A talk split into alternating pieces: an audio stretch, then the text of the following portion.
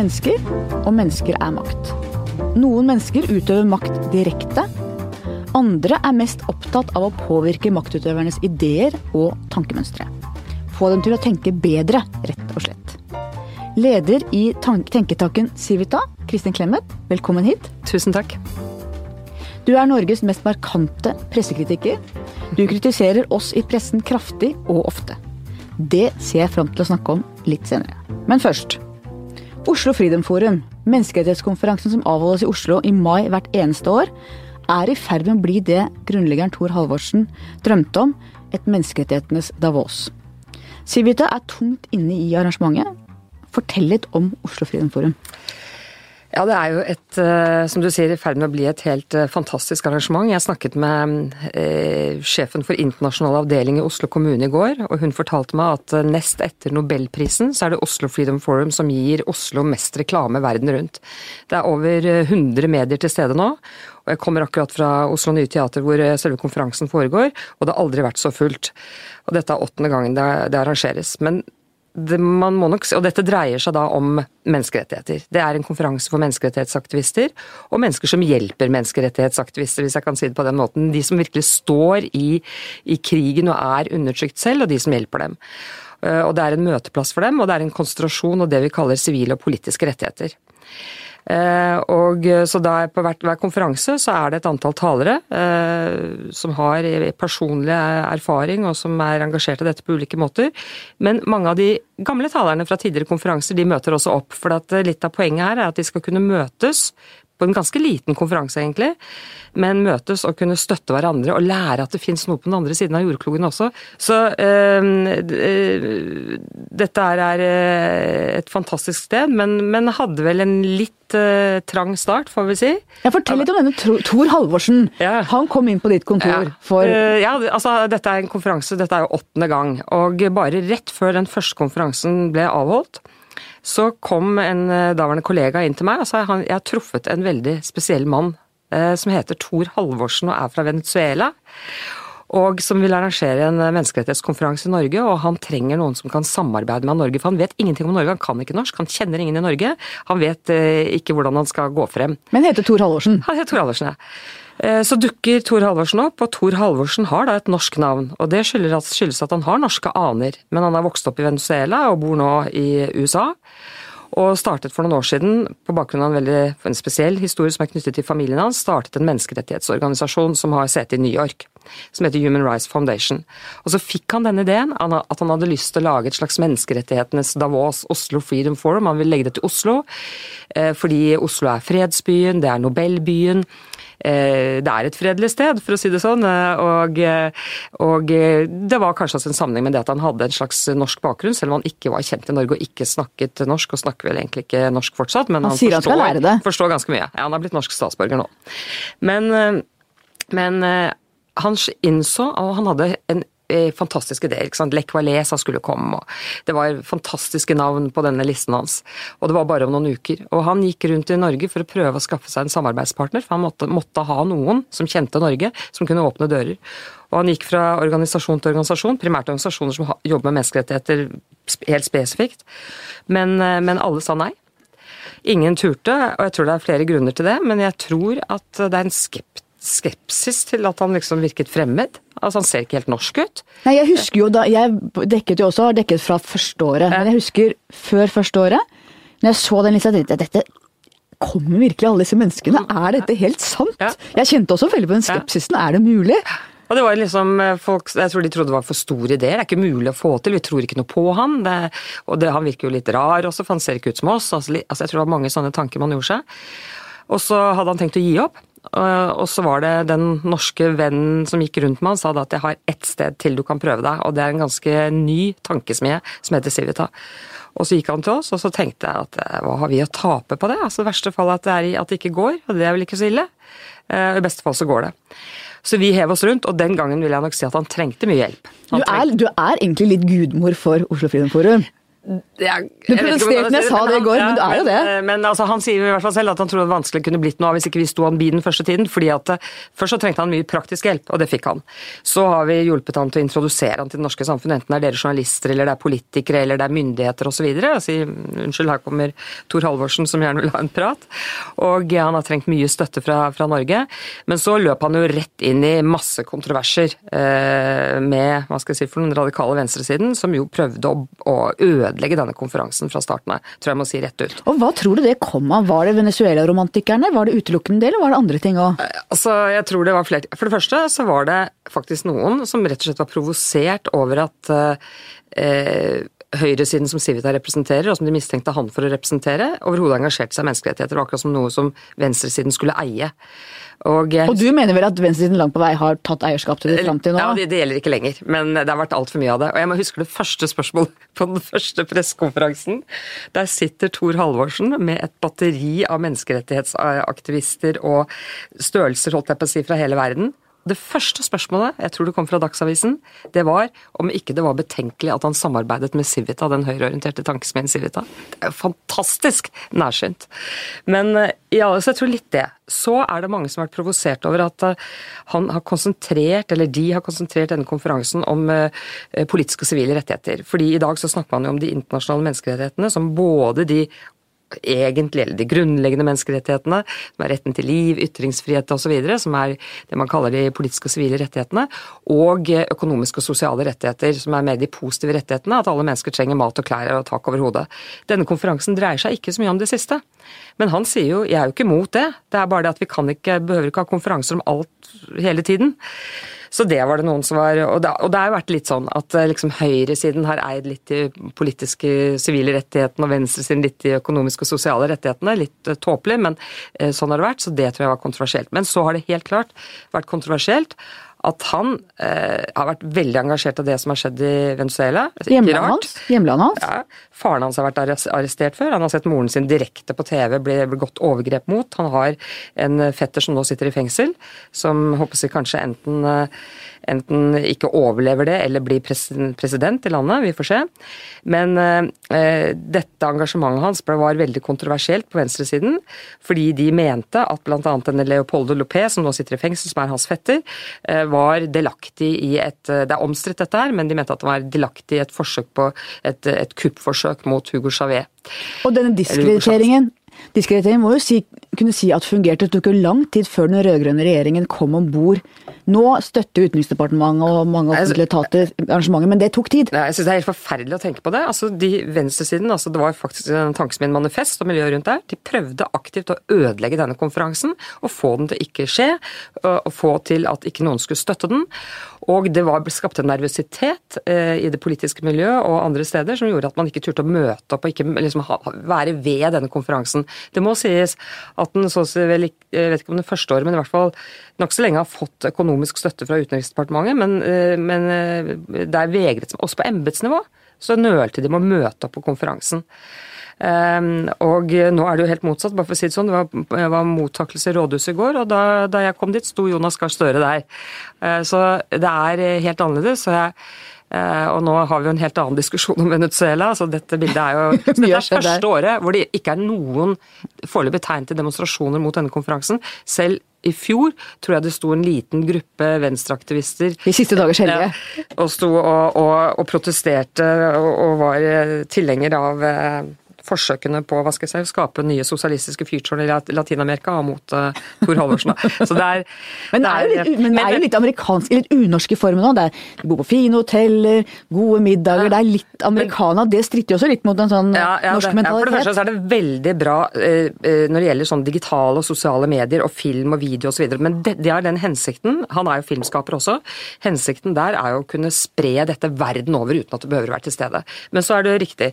De har jo bodd på Grand hotell, og nå bor du litt forskjellige steder fordi Grang er under oppussing, og det har vært eh, middager der osv. Det er typisk Det ser ikke ut som det vanlige menneskerettighetsarrangementet, kanskje, hvor man skal gå rundt i olabukser og Det er ikke Respatex-bord og sånn? Men det han sier hva fortjener disse menneskene mer? Disse men slitne menneskene, mange av dem har sittet i fengsel, de har vært på flukt osv. Også at, at, de, at de skal kunne Han vil jo gjerne at de skal reise på business og sånt, og han har jo gjort alt mulig for å, for å bringe dem og gi dem noen få dager med noen gode opplevelser. Da. Eh, så han mener at de fortjener det mye mer enn de som vanligvis er høyt på strå og tilhører eliten, og som alltid bor på gode hoteller. Og de fortjener det mer. Til og med den lille eliten jeg har tilhørt, har jo alltid bodd på gode hoteller. Så jeg mener Hvorfor skulle ikke disse gjøre det? Så, men, eh, så det er klart det er unorsk, men hvorfor skal vi alltid reagere på noe, noe fordi det er unorsk? Jeg må si eh, generalsekretæren i Amnesty International i Norge, Jon Petter Egenes, og jeg vi satt oss ned en gang på et lukket kontor, og så spurte vi er det, liksom, har vi noen grunn til å være skeptisk mot den mannen. Nei, vi hadde ikke noen konkrete grunner til å være det. Det måtte i tilfelle bare være skepsis mot noe som er fremmed eller annerledes, eller gjøres annerledes. Og det kom vi at det kunne vi ikke stå ved selv. Og Amnesty har vært viktig. De har vært med fra de begynnelsen. De, ikke, de, kom ikke fra begynnelsen, helt fra begynnelsen, med, så nå, nå er det liksom litt diskusjon om hvorfor de ikke gjorde det da nå, men, men de kom med ganske tidlig. Uh, og så må det også sies at, eh, at uh, Tor Halvorsen og hans organisasjon der, de har lyttet veldig nøye til de norske behovene, hvis jeg kan kalle det det. Altså at, at han, hvis han skulle ha med noen fra Latin-Amerika, da, så måtte han ha med fra ulike typer av regimer og sånt. ikke sant? Så det, er litt, litt tåpelig, men det er, eh, er liksom eh, Det har vært det norske rådet inn til han, da. Det har han jo hørt på. Nevn en tale eller en livshistorie som har gjort spesielt inntrykk på deg gjennom disse årene? Det kan jeg love deg ufattelig mange. Altså, du har jo vært der selv. at Du kan bare sette deg ned i en sal, og det er bare så inntrykksfullt at det er nesten ikke til å tro. Men jeg må nevne kanskje en som jeg tror var i fjor, av en, eh, en nordkoreaner som eh, heter Yi Seong-ho. Jeg vet ikke om jeg uttaler det riktig men som altså har flyktet 10 000 km med én arm og ett ben. Altså amputert. Han flyktet på krykker 10 000 km. Det er en sånn grusom historie om eh, hvordan han vokste opp i Nord-Korea og oppdaget å si at noe var galt fordi folk sultet og døde rundt han. Pultene på skolen ble, ble tomme liksom fra den ene dagen til den andre fordi barna døde av sult. Hvordan han og hans familie prøvde å De bodde rett ved en fangeleir, prøvde å skaffe seg utkomme av mat ved å stjele litt osv. Og, så og den ene historien efter den andre, men hvor han også da som ledd i dette eh, plutselig ble påkjørt av toget og måtte amputere ben og armer, og det skjedde uten bedøvelse. Hvor de sagde gjennom en operasjon som tok tre timer, hvor han hørte sagen og ikke hadde bedøvelse. Og, og det ene tar det andre, og til slutt så bestemmer han seg for å flykte, og flykter altså 10 000 km på krykker. Og han holdt på å, å, å omkomme i en stri elv. Men det som var så sterkt med den historien, historien er jo sterk i seg selv. Men han fortalte den på koreansk, så det var eh, simultanoversatt. Men da han fortalte den, så begynte han å gråte. Han greide ikke å fortelle den historien. Og han gråt med en sånn eh, voldsom gråt. altså Dette var ikke en stille gråt, men det var helt forferdelig for han å fortelle det. Og så skjedde det at den som satt og oversette det, eh, som du hadde på øret, begynte også å gråte. Det var så sterkt altså, at ja, jeg tror jeg begynner nesten å gråte igjen, men jeg tror det var utrolig mange som satt i den salen og gråt da. Eh, og han, vi reiste oss etterpå, han fikk jo trampeklapp og støtte og varme. Så det var en veldig sterk historie. Eller det man opplever der også, at det kommer mennesker som aldri har stått på en scene. Sånn, altså de, de, for eksempel, vi har jo hatt disse unge jentene som har kjemper mot uh, barnebrudtradisjoner osv. Og, så og så står de på denne scenen og har pugget et innlegg nesten, ikke sant, og lært seg et ingen kanskje på et dårlig engelsk, eller uh, Og så gjennomfører de, ikke sant, og den applausen de får da, det er jo uh, fantastisk, altså. Så det er uh, og, det, og, det, er eh, Jeg tror det også er en eh, siden det, er mange her som er, det er jo noen her som er veldig trent til å stå på en scene, selvfølgelig, som har drevet arbeid, aktivistisk aktivistarbeid lenge, men, men, eh, men de som ikke har gjort det, tror jeg også får ganske mye støtte til å greie å gjennomføre, da. I år er det en veldig scenevant. Omar Sharif jr. fra Egypt. En flamboyant, eh, vakker, flott eh, skuespiller. Eh, mm. Barnebarnet til Omar Sharif, den kjente skuespilleren. Ja. Mm. Eh, som jo har vært Coca-Cola-reklameansikt i Egypt. Undertøymodell for Calvin Klein. Mm.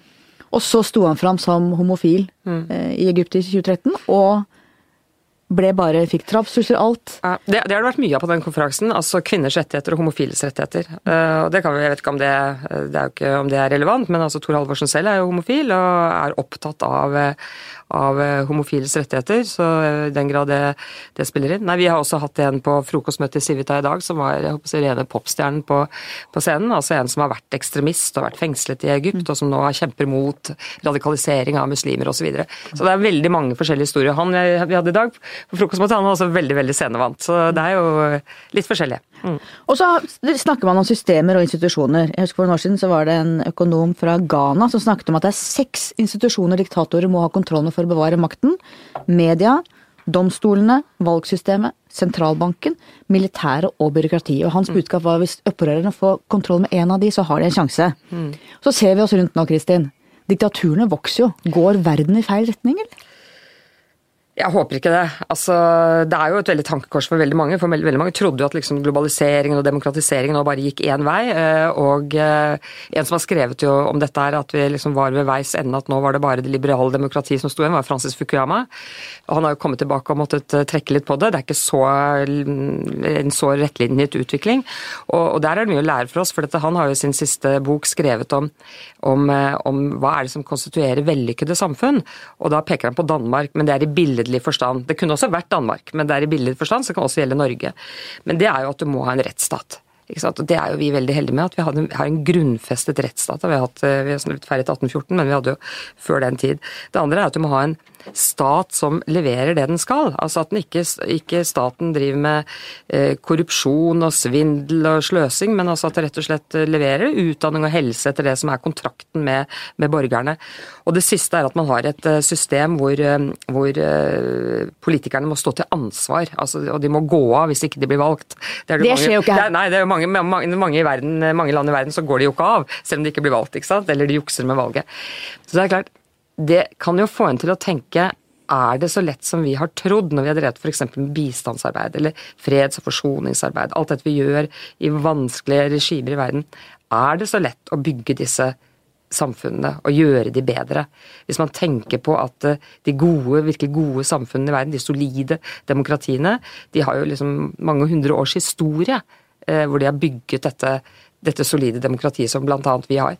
Så man kan bli litt desillusjonert. På en annen side så mener jeg jo at det går altså an å gi støtte til institusjonsbygging. Eh, altså et eksempel at Norge gir jo til, som ledd i utviklingshjelpen sånn Eh, olje for, altså, olje for, altså Vi hjelper f.eks. land som har naturressurser, da, til hvordan de skal forvalte det på en for det, fornuftig måte. For det går ofte veldig gærent. Ja, eller hjelper land til å drive en fornuftig skatteinnkreving. altså Den typen ting. Eh, så det er nok, eh, det er nok mulig å gjøre noe, men man blir nok kanskje litt mer desillusjonert enn man var i den mest optimistiske perioden, da. Det, ja. Så, ser vi, å si. så ser vi at diktatorene samarbeider om overvåking, torturmetoder, og de inspirerer hverandre egentlig i all sin ondskap.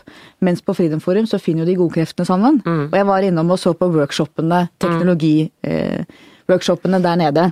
Hvor blant annet eh, snakka med en fra Cloud City som lager apper, og han sa at de eh, vurderte nå å lage en app for valgene i Ecuador. Mm. I land hvor det er mye fusk, eh, fusk med stemmegivning, så kan mm. man lage en app hvor folk kan stemme, og så får man i hvert fall kontrollert opp mot mot det offisielle såkalte valgresultatet. ikke sant?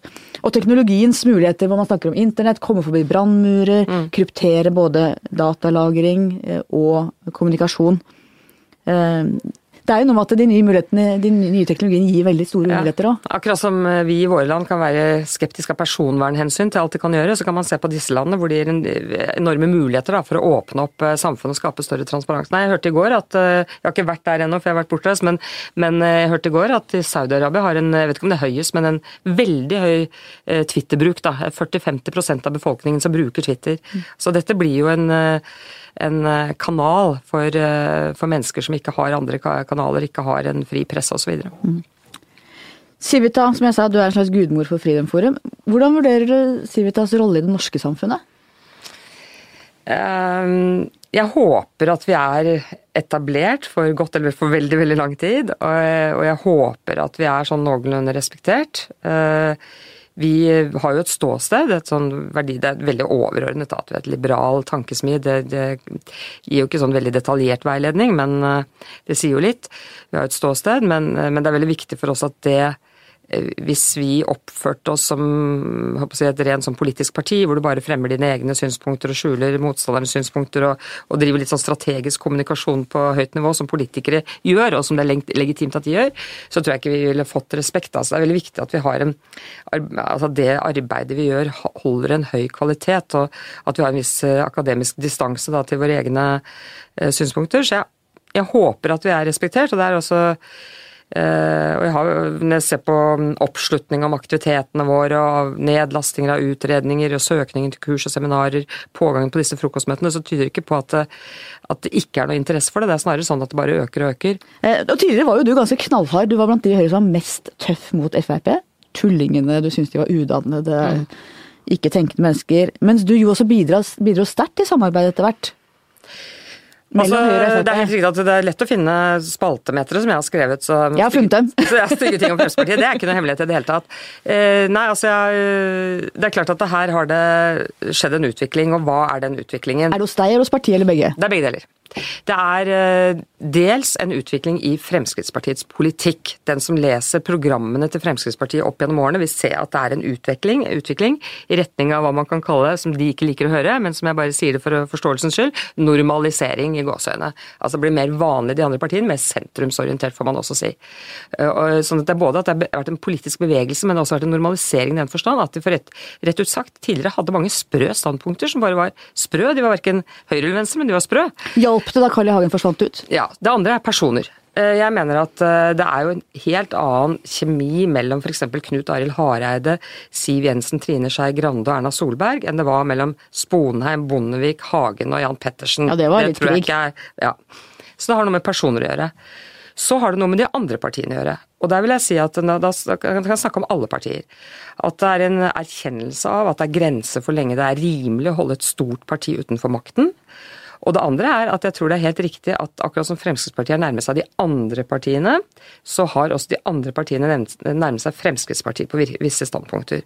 Og jeg må bare åpent innrømme at f.eks. på 90-tallet, da Jan Pettersen var leder i Høyre, jeg var aktiv i Høyre og var på landsmøtet, så husker jeg han holdt en tale hvor han sa noe om at han mente innvandrere burde gå på språkkurs, og da husker jeg at jeg sto på førstesiden i Aftenposten og, og liksom anså det nærmest for å være rasistisk. Eh, det mener jeg selvfølgelig ikke lenger. Så det har vært en utvikling hos meg også. Så kan jeg si at det skyldes utviklingen og sånn, men poenget er at eh, de andre partiene, eh, hvis de er, skal være ærlige, så er det visse ting Fremskrittspartiet har ment, og som de andre mener nå, og som ikke bare har med utviklingen å gjøre. Du trente bl.a. opp Sylvi Listhaug. Hva syns du om hennes innsats i dag? Trent opp henne? Ja, hun var på Civita-kurs. Hun har sånn, unge. Ja, ja, ja. For lenge siden. Men jeg har ikke vært og trent henne opp, så det husket jeg ikke. Nei, at hun har gått på Ja ja, vi har jo masse altså, Regjeringsapparatet og Stortinget er jo stappfull av mennesker som har gått på, gått på kurs. Og hva syns du om innsatsen, innsatsen ja, altså, hun er jo, altså, Jeg må jo bare si at, at hun er, eh, er jo Når det gjelder eh, kommunikasjonsmessig, så må det jo ha skjedd underverker siden, siden hun var byråd i Oslo.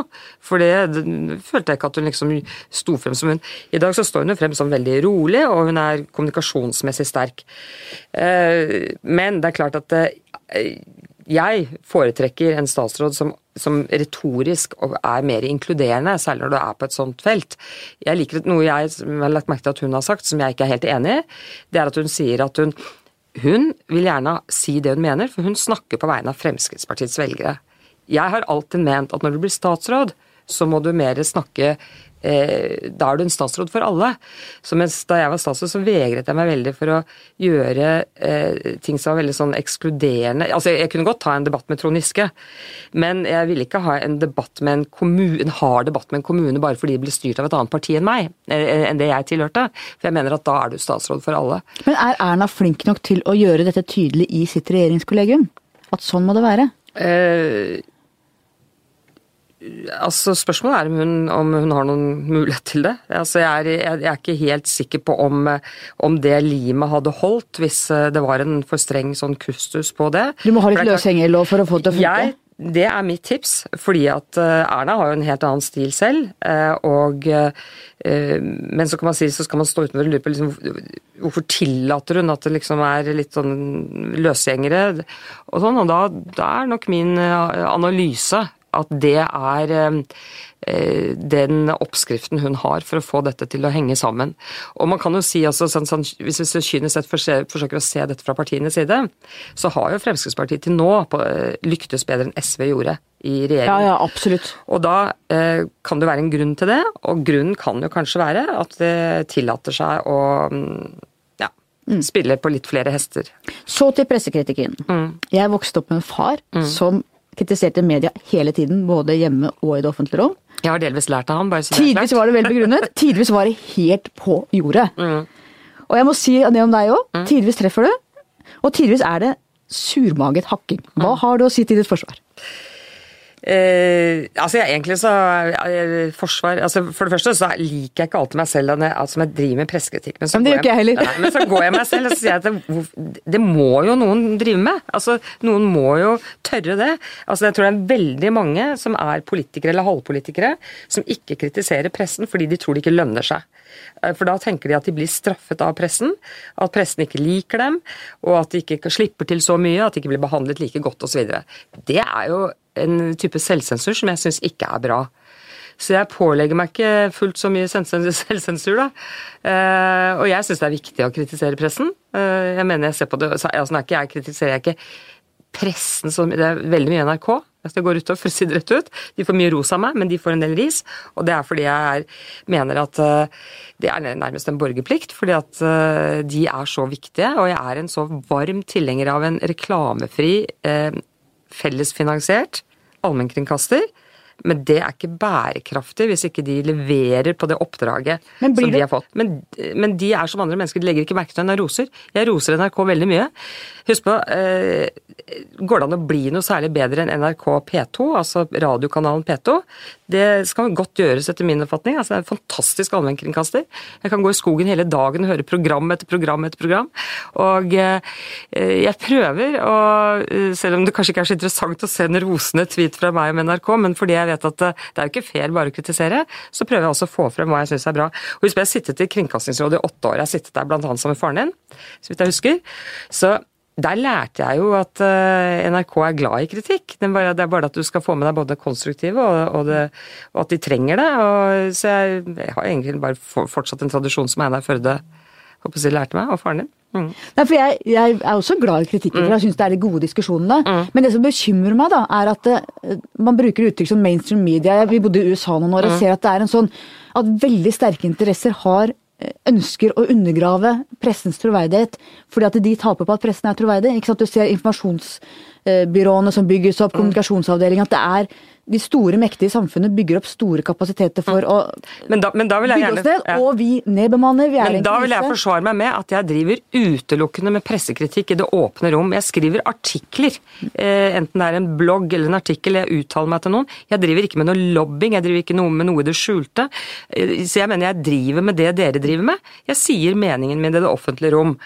Og eh, jeg må nok også si at eh, et par ganger har jeg gått for langt. Eh, jeg husker en gang jeg kritiserte Knut Olsen for et program, og jeg har også kritisert Sigrid Solund en gang. Faktisk før, før hun hadde gjennomført Nei, ikke Sigrid Solund, men NRK-debatten, altså Ingunn Solheim. Ja. Før, før, programmet ble gjennomført.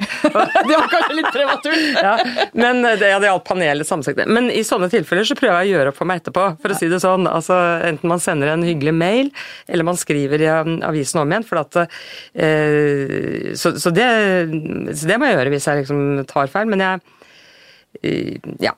Jeg, jeg, er åpen for det at eh, jeg kan gå for langt. Men jeg er ja, jeg, noen ganger tenker jeg altså, jeg bør bare slutte med det, fordi jeg blir sikkert bare utrolig mislikt av pressefolk og journalister. Jeg liker deg.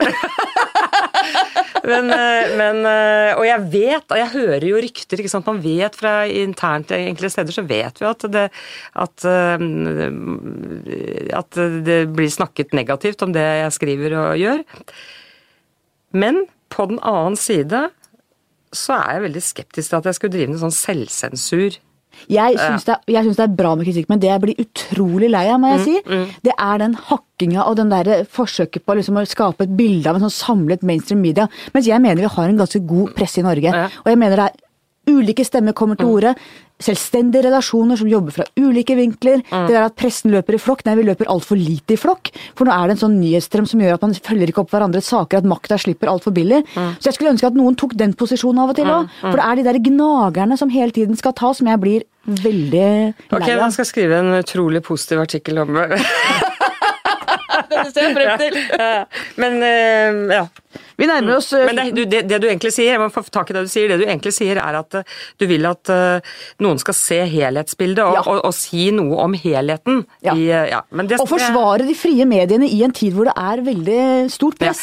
ja, men du, der har jeg faktisk flere ideer. For at eh, det er, det er, vi har tenkt å lage en utredning om kanskje går jeg, litt, jeg pleier ikke å skryte av utredning vi ikke har gjort ennå, men noe vi har på tapetet i Civita som vi har lyst til å gjøre, er å eh, spørre oss selv eh, Kvalitetsjournalistikken er satt under press. Man, hva, hva kan redde kvalitetsjournalistikken?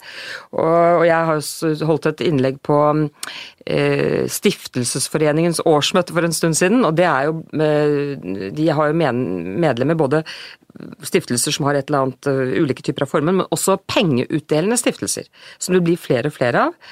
Uh, og hva skal de bruke pengene sine på? Det lurer de på. ikke sant? De er på jakt etter en identitet, for dette er ofte nye, nye stiftelser. Dette er et nytt fenomen i Norge. Uh, og uh, da sa jeg at uh, de kan selvfølgelig bruke det på tenketanker, det er fint, men de burde absolutt vurdere å bruke det på kvalitetsjournalistikk. Uh, den er satt satt veldig under press. Og det kan jeg også si at vi merker, som jeg syns er veldig interessant. Eh, For noen år siden jeg, jeg har befattet meg med pressen i 30 år i hvert fall. Og for noen, Det er ikke mange årene siden, årene siden eh, jeg vil si at jeg hadde lært at det var noe helt umulig og nesten grensende til uetisk hvis jeg prøvde å sette opp noen punkter som du kunne bare bruke direkte i en artikkel av deg. I dag får man nesten inntrykk av at det er nødvendig, fordi det er sånn tidspress i redaksjonene at eh, innsalget Nå får ikke jeg til dette, for jeg er ikke så avansert på det, men jeg har nærmest hørt nå at nå, nå må innsalget nesten være en tilrettelegging av stoffet.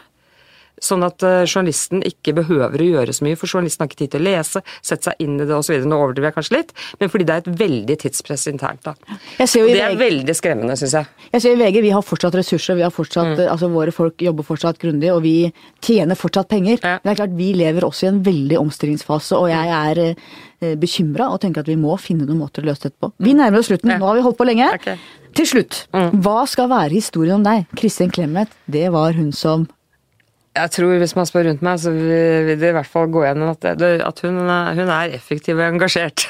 Jeg er ustoppelig engasjert, det merker jeg. Og det, det, altså, og det er jo det som driver et sånt samfunnsengasjement, sikkert ditt engasjement også. At du, du står opp og ser ting som du syns er skakt og skjevt i samfunnet, som du gjerne vil skal bli bedre. Eller du ønsker at mennesker skal få mulighet til å skape seg gode liv, enten det er her eller det er i, i Uganda. Og, og så blir du engasjert i fordi du mener at du har noen tanker om hvordan det kan skje, da, som kanskje er bedre enn andre tanker. Og, og, og da må man jo uttrykke dem på den ene eller andre måten. Man kan gå inn i den formelle politikken. Eh, man kan sikkert være journalist. Eller man kan som, som meg da gjøre det fra andre ståsteder. Og det håper jeg ikke tar slutt. Så oppsummeringen effektiv og engasjert. Jeg tror det. Ja, Veldig bra. Tusen takk for at du kom. Takk for at jeg fikk komme. Takk til dere som hørte på. Takk til Magne Antonsen, vår produsent. Abonner gjerne på iTunes. Vi høres igjen neste uke.